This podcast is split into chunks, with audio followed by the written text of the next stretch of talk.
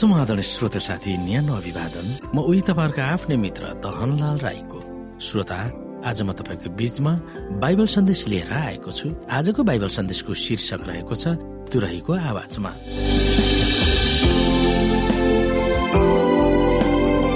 श्रोता यसुको दोस्रो आगमनसम्म जीवित रहने विश्वासीहरूले मात्र अनन्त जीवन पाउनेछ भनेर थेस्लोनिकीका विश्वासीहरू विश्वस्त थिए। तिनीहरूले तिनीहरूका मित्रहरूको जीवनलाई होसियारपूर्वक सुरक्षा दिएका थिए। यसो आउनु हुँदा तिनीहरू नमरेको होस् जसले गर्दा अनन्त जीवन तिनीहरूले नगुमाउन् भन्ने तिनीहरूको विश्वास थियो। तर एक एक गरेर तिनीहरूका प्रियजनहरू मरेका थिए।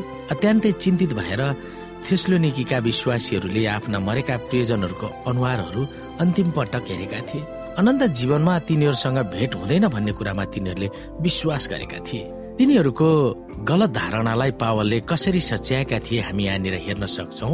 एक थेस्लोनिकी चार अध्यायको तेह्रदेखि हेरौँ श्रोता तर भाइ हो सुति गएकाहरूका विषयमा तिमीहरू अजान बस भन्ने हामी इच्छा गर्दैनौ र तिमीहरूले आशा नहुने मानिसहरू जस्तो शोक गर्नु नपरोस्।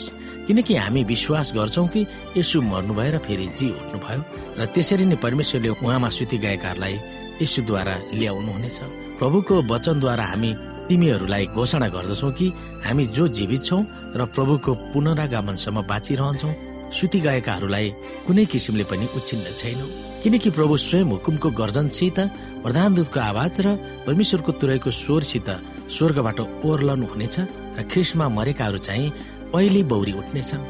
तब हामी बाँचिरहेका र छोडिएकाहरू प्रभुलाई आकाशमा भेट्न तिनीहरूका साथसाथै बादलमै उठाइ लगिनेछौ र यसरी हामी सधैँ प्रभुसँग रहनेछौँ। यसै कारण एउटाले अर्कालाई यी वचनहरूले सान्त्वना दियो। श्रोत साथी परमेश्वरले उहाँमा सुते गएकाहरूलाई यसोद्वारा ल्याउनुहुनेछ भन्ने वाक्य गलत रूपमा व्याख्या गर्ने इसाई इतिहासमा देखा परेको पाइन्छ। यस वाक्यमा धेरै अर्थहरू छन्। मानिस अमर छ भन्ने धारणालाई विश्वास गर्ने इसाईहरूले यो भन्दछन् कि जब यसो आउनुहुन्छ तब स्वर्गमा परमेश्वरसँग रहेका धर्मीहरू उहाँसँग उहाँले ल्याउनु हुनेछ अनि तिनीहरूको आत्मा पृथ्वीमा रहेका आफ्ना शरीरहरूसँग पुनर्मिलन हुनेछ।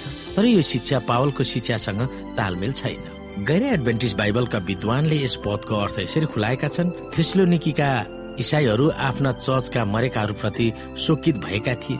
तर तिनीहरूमा यो आशा हुन सक्थ्यो कि जब यसो फर्किनुहुन्छ तब परमेश्वरले ती मरेकाहरू विश्वासीहरूलाई पुनरुत्थान गर्नुहुनेछ र यसुको सामु प्रस्तुत गर्नुहुनेछ।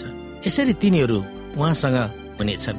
यहाँ भन्न खोजेको अर्थ यो छ कि मरेका विश्वासीहरू यीशुको आगमनमा कुनै बेफाइदाको अनुभव गर्ने छैनन् किनकि तिनीहरू यसुसँग हुनेछन् र जीवित विश्वासीहरूको बराबरीमा तिनीहरू हुनेछन् र यसुको आगमनको महिमामा तिनीहरू पनि सँगसँगै भाग लिनेछन्।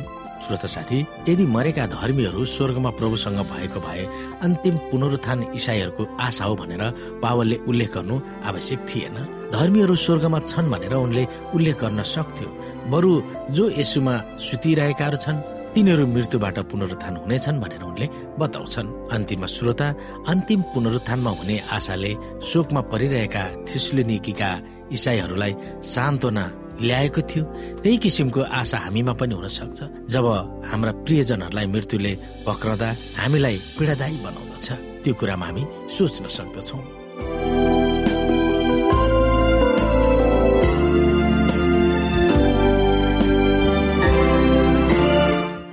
साथी आजको लागि बाइबल सन्देश यति नै। हस्त नमस्ते जय मसिंह।